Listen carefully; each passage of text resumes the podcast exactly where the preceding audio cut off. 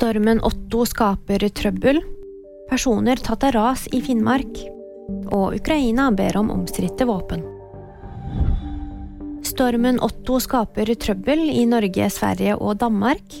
Flere ferjer er blitt innstilt på Vestlandet, ifølge Veitrafikksentralen. De ber alle følge med på avgangene. Flere fjelloverganger er stengt i Sør-Norge. Det vil tas en vurdering om åpning i morgentimene. Fire personer ble tatt av sørperas i Måsøy i Finnmark fredag kveld. En hjullaster, en personbil og en steamer med totalt fire personer ble tatt av raset. Alle fire ble berget ut før redningsmannskaper kom til stedet. Det skriver politiet på Twitter. To av dem ble tatt hånd om av helsepersonell, men ingen skal ha fått alvorlige skader.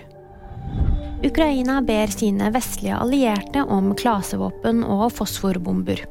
Ifølge landets infrastrukturminister Kubrakov, som deltar på den store sikkerhetskonferansen i München, bruker Russland slike våpen hver dag. Klasevåpenkonvensjonen forbyr all produksjon og bruk av klaseammunisjon, men den er ikke undertegnet av verken Russland eller Ukraina.